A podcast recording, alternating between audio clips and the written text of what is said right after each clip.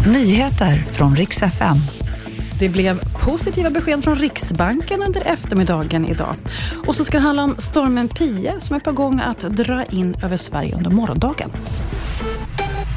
Det är storm på gång. Stormen Pia är på väg in över Sverige och det ska blåsa så mycket på västkusten och Skåne att SMHI varnar för att det kan bli svårt på sina håll att ens stå upp. Uppemot 27 sekundmeter lokalt. Mitt i jultrafiken väntas också E4 vid Gävle att snöa in. Stormen drar alltså från Norge och Danmark in över Sverige under eftermiddagen. SMHI flaggar för att man bör fundera på att kanske inte köra bil eller bege sig ut i stormen imorgon.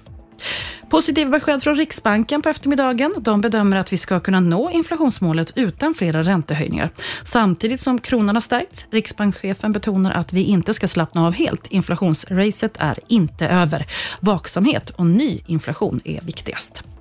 Och så får vi gratulera H&M's VD Helena Hermansson. Hon har fått nämligen årets största löneökning. För H&M's aktieägare har det ju kanske varit lite mindre muntert. 2022 tappade aktien en tredjedel och den har börjat återhämta sig under 2023.